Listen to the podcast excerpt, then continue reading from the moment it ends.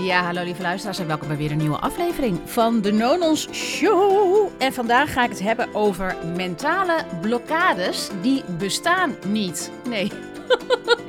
Heel veel mensen die denken dat uh, ze een, als ze angst ervaren een mentale blokkade hebben of als ze iets niet durven, dan zou dat in het hoofd zitten. En ik moet er een beetje om lachen, omdat dat wat in de volksmond uh, genoemd wordt um, best wel wat consequenties kan hebben. Nou, ik ga eerst vertellen in deze aflevering um, waar ik de inspiratie vandaan heb gehaald. En dan ga ik er wat dieper op in. En hoe je nou met persoonlijk leiderschap daarmee om kan gaan met die mentale blokkades, die eigenlijk geen mentale blokkades zijn. Nou, ik uh, zat vanmorgen op de sportschool. Want op donderdag, woensdag of donderdagochtend heb ik altijd de gewoonte om uh, lekker te sporten. Even uit het hoofdie. En uh, meer in mijn lijf. Dat helpt mij altijd om te ontspannen, maar ook om na te denken. Dus ik uh, luister dan wel eens uh, muziek of een podcast. Nou, en dan gaan mijn gedachten alle kanten op. er komt de creativiteit, komt de inspiratie. En zo ook deze ochtend. Want ik was aan het luisteren naar een podcast van Andreas Bouwman. Die ken ik van LinkedIn. Ik kan echt iedereen trouwens aanraden om op LinkedIn um, actief te zijn. Want het is zo ontzettend leuk. Um, even een zijstapje. Ik ben natuurlijk gestopt op Instagram sinds, geloof ik, nou is dit de derde week. Nou, ik kan je zeggen, echt, ik ben de beste, de beste keuze ooit. Um, omdat ik toch meer een LinkedInner ben dan een Instagrammer. Ik denk dat namelijk het heel erg ligt aan het type mens en het profiel. Als in hoe je functioneert, wat je um, innerlijk kompas is, zoals ik het maar even noem. Hoe, jij, hoe je besturingssysteem is in je kopie en in je lijf. Um, ik ben een LinkedInner. Ik vind het leuk om te posten. Echt tekst te posten, niet video's, maar gewoon tekst. En daar gewoon goed over na hebben gedacht. En dan een boodschap daarin verwerken op een manier die uh, te verteren is. En dan gaan mensen dat liken of dan gaan ze commenten. Je ziet allemaal andere mensen ook op dat prachtige LinkedIn. En dan ga je gewoon een beetje linken met mensen. Maar het grappige is dat ik dus een soort van afgelopen drie weken al een aardige community om me heen aan het bouwen ben. Wat ik heel leuk vind, want dat is een van mijn doelstellingen. Ik wil gewoon graag een waardevol netwerk opbouwen. Omdat met een waardevol netwerk kan je elkaar verder helpen, versterken, inspireren. Um, gisteren was er bijvoorbeeld iemand die had een comment geplaatst op een eh, post van mij. En toen vroeg ik, goh, hoe zou je hier en hierin mee omgaan? Nou, met die vraag is, heeft hij wel een post geschreven. Dus op die manier inspireer je elkaar om het over dingen te hebben die je belangrijk vindt. Je maakt connecties. Um, en natuurlijk komen daar ook klanten uit. Maar als je dat doet van ik zit op LinkedIn en ik wil klanten hebben, ja, dat is met elke strategie. Dat gaat niet werken, omdat de mensen, je doet zaken met mensen en het gaat over oprechtheid en over dat je echt mensen verder helpt. Want dat is je klanten, die ga je gewoon verder helpen met hun uh, uitdagingen of hun problemen. Nou, dat is even een zijstapje. Um, terugkomend op Andreas Bouwman, die heeft de podcast Raakpraat. Um, en die gaat over, dat hebben we natuurlijk weer niet voorbereid. Raakpraat is een podcast um, die praat en heeft uh, gesprekken met werkexperts binnen en buiten de uitzendbranche. En de focus is dat ze. Ik zit even te denken, en zit te lezen. De focus. We starten ieder gesprek luchtig en persoonlijk. Welke gekke werkverhalen heeft de gast? Wat wilde hij of zij vroeger worden? Natuurlijk gaan we daarna ook de diepte in. Nou, en vanmorgen ging het over. Nou, het gaat uh, de thema's van, de, van deze podcast zijn vitaliteit, recruten, uitzenden en werkgeluk. Dan denk je, even waarom zit je een andere podcast te promoten? Nou, nou, als ik zo door blijf gaan, dan kom ik nooit op mijn thema. Maar ik vind het dus heel belangrijk om andere mensen even in het voetlicht, hoe zeg je dat? Op het podium te zetten of te zeggen van hé, hey, misschien is het ook leuk. Want als jij de Nono Show leuk vindt, dan vind je de Raakpraat ook erg leuk. En die heeft meer over, nou ja, dit soort uh, onderwerpen. Recruiten, uitzenden, werkgeluk.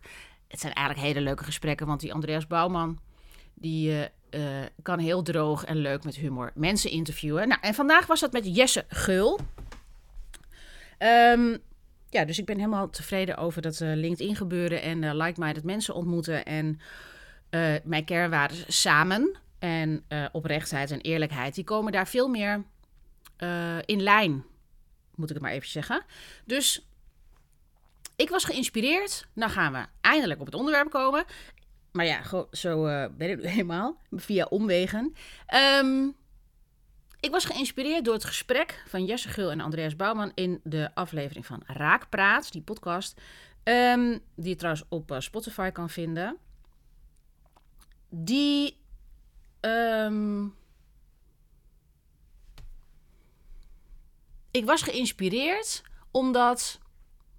Ik ben eventjes de, ik ben even afgeleid. Nou, ik was geïnspireerd. Ik lijk wel ADHD'er, misschien ben ik dat wel. Nee, um, ik was geïnspireerd omdat zij het hadden over hij geeft, uh, Jesse Gulge is uh, een uh, fameuze LinkedIn-trainer en die geeft trainingen over hoe je op LinkedIn, hè, LinkedIn kan gebruiken volgens de doelstellingen die je hebt. Nou, en toen zei hij van ja, ik ben dan training aan het geven en dan gaan ze bijvoorbeeld de vacaturetekst schrijven die hartstikke leuk is met een bepaald grapje. En dan zeggen ze, nou, zullen we die vacaturetekst dan uh, opstellen en dat je die online gooit. En toen zei ze maar nee, nee, nee, dat kan niet. Want het tone of voice kan niet en dit kan niet. En nou, past helemaal niet bij mijn, onze cultuur. Nou, toen hadden ze het over van... Maar ligt het dan aan de bedrijfscultuur? Is die dan onveilig? Uh, toen zei Jesse, nee, dat heeft veel meer te maken met de angst van de persoon zelf. En toen dacht ik, ja, ja, ja, ja. Nu komen we op dat onderwerp, wat met persoonlijk leiderschap te maken heeft. Tenminste, mijn visie. En dat is dat we, uh, die, de, als de persoon dus dat niet durft te posten, dan kan je allerlei argumenten aangeven waarom het niet uh, ja, waarom je dat niet kan doen. En dan leg je het buiten jezelf als in, nou nee, maar volgens het bedrijf en bla bla bla. Maar het gaat dus over angst. Nou, en had hij het over, het gaat over angst, mentale blokkades. En toen dacht ik, ho, wacht even. Mentale blokkades, en dit is dus iets, ik dacht, daarom moet ik een podcast opnemen. Want ik wil echt even uitleggen dat het geen mentale blokkades zijn.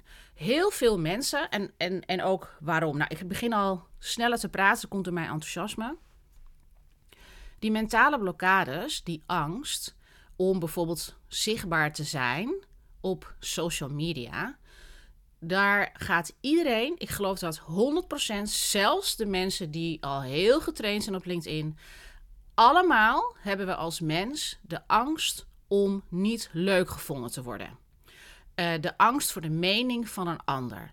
En heel biologisch heeft iedereen dat, omdat in ons oerbrein, toen wij nog uh, hutjes op de hei woonden, of misschien niet eens in hutjes, maar in grotten, is het zo dat als jij onderdeel bent van een community en er was het gevaar, dan en je was likable, hè, je, de, um, dan zou de community, die groep, die zou je dan meenemen in geval van gevaar. Kijk, als jij niet leuk bent, dan is er een soort van uh, uh, geloof dat wij achtergelaten worden. En dat we dus overgeleverd worden aan dat gevaar. Dus behalve dat er door bepaalde ervaringen in ons leven. is er gewoon een biologische angst om achtergelaten te worden. En daarom is het zo belangrijk dat we aardig en leuk gevonden worden door iemand anders, want dat geeft ons veiligheid. Dus het is niet verwonderlijk dat op social media, waar iedereen is, hè, allemaal zijn we zitten op een soort van platform en er is een soort van onzichtbaar draadje. Dat is dan aan ons telefoon gelinkt of aan de, aan computer gelinkt. En op het moment dat wij dus iets gaan posten, is het zichtbaar voor iedereen. Het is niet in een bepaalde groep uh, of um, ja, in je vriendenclubje of zo. Iedereen kan het zien. En als je dus. Uh, dan hebben we dus allemaal ergens het gevoel. Oh, ik hoop dat het goed gaat vallen. Zelfs de. Ik geloof zelfs dat een Jesse Gul dat af en toe heeft. Of nou ja, wie dan ook. Um, de, de, en dan heb ik het alleen maar over uh, LinkedIn. En dan heb ik over posts die een beetje kunnen schuren. Hè, want anders heb je een veilige post. Maar ik dacht, Kijk, dit soort dingen die komen niet aan de orde, die bespreken mensen niet. Dus die basisveiligheid of die basisonveiligheid die we allemaal hebben, hè, dat is geen trauma of uh, uh, ja, diepe trauma's. Dat is iets wat we gewoon als mens hebben. Dat is één. Twee, mentale blokkades bestaan niet omdat het um, gelinkt is aan je zenuwstelsel. Dus heel belangrijk om te beseffen dat je gedachtes in je hoofd is een onderdeel van een geactiveerd zenuwstelsel dat zich onveilig waant. En onveiligheid kan dus zijn: ik ga iets posten waar mijn hart ligt of wat mijn visie is. En het kan zijn dat er kritiek op komt. Nou, in zo'n situatie gaat je zenuwstelsel op activatie. En dan gaat het vechten, vluchten, pleasen of bevriezen. Die vier dingen. Dus je, je voelt uh, je hart uh, sneller kloppen in je keel. Je gaat. Uh, je, krijgt, je gaat een beetje rillen misschien. Of je denkt, oh, je gaat de hele tijd daarna zitten kijken naar de likes. Omdat het onveilig is en je wil graag bevestigd worden dat het oké is wat je hebt gepost. Nou kan het natuurlijk zijn dat het nog. Waarom hebben sommige mensen echt dat ze in doodsangst verkeren? En doodsangst wil zeggen dat je dus niet gaat doen. Je gaat het niet doen. Dat je dus inderdaad zegt: nee, bij de tone of voice van het bedrijf of dit of dat. Klopt niet. Um, uh, sorry, dat ze dus gaan zeggen van. Uh, ik ga het niet posten, want het, het ehm, ja, deze post is gewoon niet in lijn met hoe het bedrijf denkt. Dat is een manier om niet te erkennen dat die onveiligheid in jezelf is.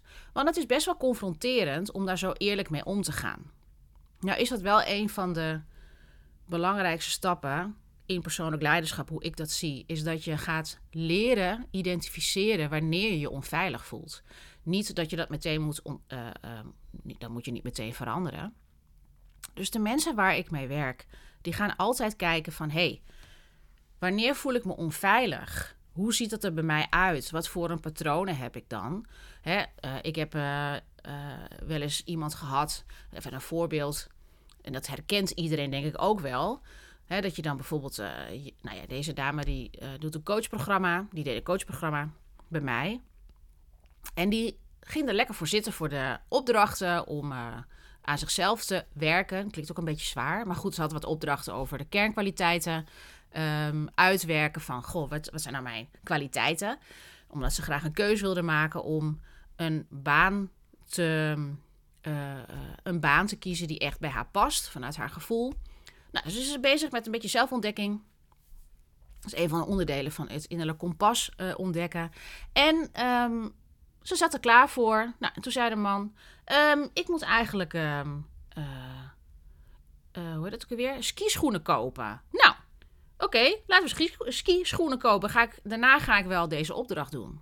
Nou, van het een komt het ander, skischoenen kopen. Daarna een kopje koffie drinken bij iemand. En s'avonds moe en ligt in bed en zegt: Shit, ik ben helemaal niet naartoe gekomen. Het grappige is dat op dat moment, dus een heel praktisch voorbeeld waar ik denk dat als jij dit hoort, dan denk je: Oh ja, dat heb ik ook wel eens. Dat ik dan ga uitstellen. En dan ga ik zeggen, oh, dat doe ik dan wel straks.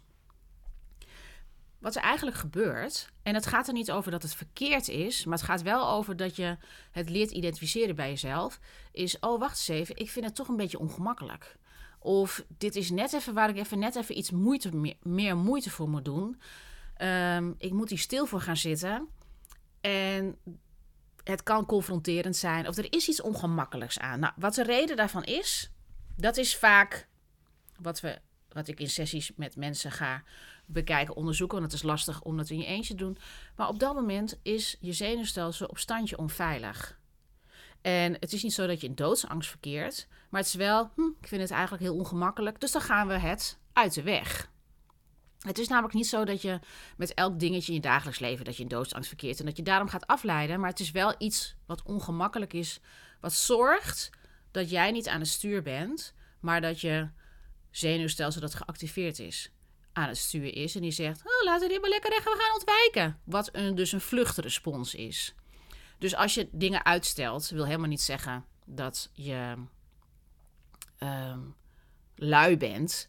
Dat wil alleen maar zeggen dat je iets ontwijkt wat je lastig vindt. En waarom vertel ik dit? Omdat uh, als ik terugkom op mentale blokkades um, en op die uitdaging die we tegenkomen, van, posten of je moet aan iets werken en de focus is jezelf en dan ben je niet gewend, dan kunnen heel veel mensen denken: oh ja, ik heb een probleem, ik heb een mentale blokkade. Nou, dat is niet zo, want het is je zenuwstelsel, het is je lichaam. Dus als je dan ook probeert om vanuit het hoofd, dus uh, uh, technieken te gebruiken die heel erg gaan op. Nou, waarom zou je dit hebben? En verklaar je eens nader. Had je een papa of een mama die heel erg achter de broek aan zat? Kijk, dat kan je doen. Maar ik geloof zelf niet zo in die, dat gepsychologiseer en verklaren. Omdat je daarmee niet zorgt dat de volgende keer. Als je aan de coachopdrachten werkt, zeg maar wat hè. Ehm, of je wil een post posten en je vindt het doodeng. Dat gaat niet zorgen dat je het gaat doen. Wat gaat dan gaat alleen maar zorgen dat je snapt waarom je het uit de weg gaat. Dat is hartstikke mooi voor een inzicht en om het te snappen. Maar dat wil niet zeggen dat je het ook daadwerkelijk gaat doen. Want je gaat door het ongemak heen. Het is niet mogelijk om ehm, dat ongemak wat je ervaart in lijf, dat is niet. Het is niet, uh, moet ik zeggen, je kan het niet ontwijken. Dus waar ik mensen altijd tot uh, uitnodig, is om dan naar het lichaam te gaan en dan te, met je oogjes dicht, want dan heb je geen, uh, hoe je dat zeggen, je hebt geen prikkels van buitenaf. Je doet je ogen dicht, je focus je op je adem. Niet om te mediteren of te ontspannen, maar om nieuwsgierig te zijn. Wat voel ik in mijn lijf? Wat, wat voor fysieke sensaties heb ik op dat moment? Wat voel ik dan? En als je dan dat gaat onderzoeken, dan ga je voelen dat het angst is. En op het moment dat je dat gaat voelen en ervaren, dan ga je het erkennen. Dus angst hoeft niet weg. Angst hoeft alleen maar erkend te worden, zodat je de volgende keer herkent: aha, ik zit in angst. Nou kan ik kiezen of ik ga mezelf afleiden, of ik zie dat mijn lichaam, mijn zenuwstelsel zich aan het afleiden is, aan het vluchten voor iets wat ongemakkelijk is. En het gaat niet over die LinkedIn-post, het gaat over dat gevoel wat er onbewust in je leeft. Ehm, als je daar namelijk herkenning en dan erkenning aan geeft, en je gaat voor jezelf, wat we dan zo beroemd noemen, vertragen, dus stel je gaat een post op LinkedIn posten die je gewoon hmm, best wel spannend vindt. Wat ik zelf ook nog wel eens doe, maar wat ik ook met mijn klanten doe, is dan: oké, wat kan je daarvoor doen? Voetjes op de vloer, oogjes dicht, focus op je ademhaling en gewoon even vertragen en voelen in je lijf hoe het is. En soms als je dan die hartkloppingen hebt of die zweethandjes, um, dat is een zenuwstelsel dat geactiveerd is. Dus die is in een angststaat. En ik heb het niet over normale activatie. Dus ochtends opstaan en je kleren aandoen. Dat is een normale activatie. Anders dan lig je gewoon plat op de vloer of plat in bed. Maar dat je een verhoogde activatie hebt. Zodat je inderdaad denkt, wat gebeurt hier? Die angst. Als je daar een paar keer in en uitademt. En zegt, oké, weet je wat? Ik voel gewoon angst. En dat is oké en je gaat toch op die knop drukken. En daarna ervaar je die hartkloppingen. Wat je daarmee doet, is dat je jezelf traint om door het ongemak van die angst heen te gaan. En dat doe je door inderdaad je oogjes dicht te doen, aandacht naar je ademhaling en vertragen. Daarmee zeg je eigenlijk als het ware tegen je zenuwstelsel: het is oké dat je die angst voelt. Je erkent het en daarmee hoef je eigenlijk ook gewoon niks te veranderen. En elke keer als je die post doet, elke keer als je dan naar jezelf toe gaat en je doet deze oefening, wat nu heel simpel uh, lijkt, het is helemaal niet simpel. Uh, als je daar niet in getraind bent. Dus daarom doe ik dat ook altijd met klanten. En daarna kunnen ze het gewoon zelf. Want het belangrijkste is dat je het natuurlijk zelf kan toepassen. Dus in die, in die situatie met uh, die uh, LinkedIn-post, die, waarvan je, waarvoor je bang bent, elke keer als je dat doet, merk je dat de angst gaat afzwakken, omdat jij veiligheid biedt aan je zenuwstelsel. Door te gaan vertragen, in plaats van door jezelf af te leiden. Want dan blijf je eigenlijk in die angst die onbewust is. En ga je het ook nog eens een keertje niet doen. Wat je wel heel graag wil. En ik zeg ook altijd: je hebt altijd de keuze. Je hoeft het niet te doen. Niemand zegt dat jij op LinkedIn wat moet posten. Of niemand zegt dat jij dat lastige gesprek aan moet gaan. Niemand zegt dat. Maar het effect is dat als je het wel doet, dan creëer je dus een grotere invloedssfeer op de dingen die jij doet. En heb je veel meer de regie in eigen handen om de dingen te doen die jij graag wil bereiken. Omdat dat standaard riedeltje van buiten de comfortzone ligt het succes. Dat klopt.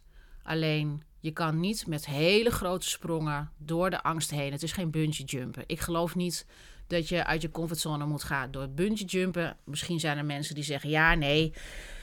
Uh, dat zie je wel eens op de televisie met die VIP's. Uh, hoe heet het alweer? Dat ze dan Special Forces VIP's. Dan hebben ze allemaal hele extreme situaties. Denk ik, oké, nou, dat moet je willen.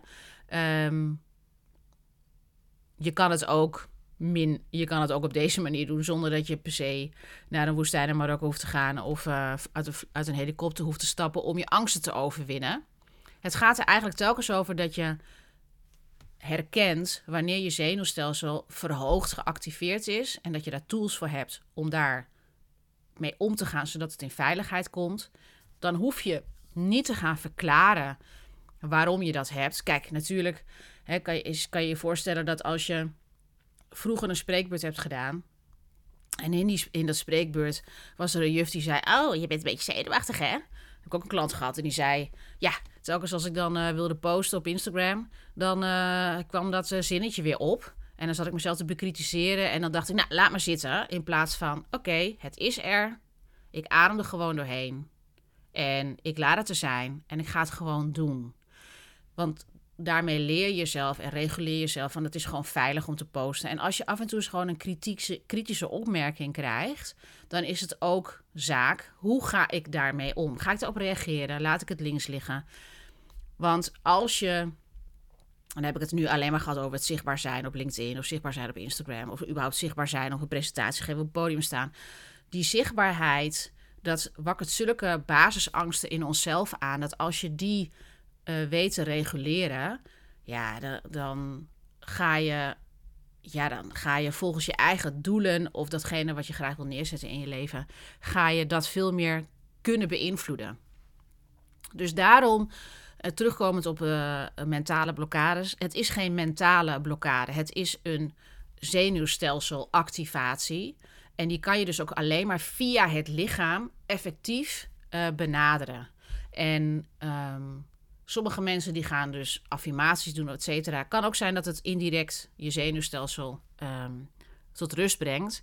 Ik geloof heel erg dat je de ingang van het lichaam nodig hebt om om te kunnen gaan met emoties en met gevoelens en met fysieke sensaties. Uh, dat is niet, dan moet je ook gewoon hè, dus naar die oorzaak of naar die bron gaan in plaats van dat je, oh, maar gaat over psychologiseren en verklaren, want dan ga je het nog steeds niet toepassen. En de een, dat is de laatste noot, de een voelt zich innerlijk meer onveilig dan de ander. En dat ligt gewoon ook helemaal aan hoe jouw zenuwstelsel is afgesteld. Hoe snel jij eigenlijk in je amygdala in een soort van uh, staat komt van... oh, hier is angst. Um, en heel erg gaat de, de omgeving gaat scannen op uh, gevaar. De ene heeft het gewoon wat meer dan de ander. Dus sommige mensen die lijken ja, vrij uh, ja, vol zelfvertrouwen te zitten. Maar in principe heeft iedereen het. Dus de ene die uh, zich innerlijk onveilig voelt, die, ja, als die de doelen wil bereiken, die heeft daar dan even net wat meer tijd en training voor nodig. Om die vaardigheden te beheersen, om zelf je zenuwstelsel te reguleren. En dat is wat anders dan helemaal de diepte ingaan om de trauma's te. Hoe zeg je dat? De trauma's te helen. Het is eigenlijk in principe precies hetzelfde. Dat, maar nee, daar ga ik het niet over hebben. Um, want het heeft wel degelijk een trauma of ontwikkelingstrauma heeft wel degelijk effect op hoe innerlijk onveilig of veilig je voelt. Maar dat is even wat andere materie, wat meer in de diepte. Ik wilde vandaag alleen maar hebben over die mentale blokkades. Um, en dat je dat kan reguleren door je zenuwstelsel te leren reguleren. En dat is eigenlijk het aller, aller, allerbelangrijkste van persoonlijk leiderschap. Want als jij innerlijk veilig voelt, dan kan je zichtbaar zijn. Um, dan durf je mensen op te bellen. Dan, ja, weet ik veel, wat, wat kan je allemaal? Dan ga je mensen op, ik bedoel, mensen opbellen met. Uh, uh, stel je voor dat je de, uh, op het kruispunt staat van. Je wil een andere baan zoeken. Of als ondernemer moet je uitreiken om ja, om klanten aan te trekken. Nou, weet je, je, kan het zo gek niet verzinnen. Ehm, maar dat is dus belangrijk. Een belangrijk voorbeeld. Nou, ik wil het hierbij laten. Um, ik gooi hem zo meteen online op een minuut wat je ervan vindt. En of je opmerkingen hebt, stuur me een, uh, stuur me een leuk bericht naar op uh, LinkedIn. En via de DM. Als je me wil connecten, doen. Ik vind het altijd wel even leuk als je een persoonlijke noot erbij stuurt als ik je niet ken. Um, kan ik erg waarderen. En um, nou, voor nu tot de volgende. Dankjewel voor het luisteren. Doei!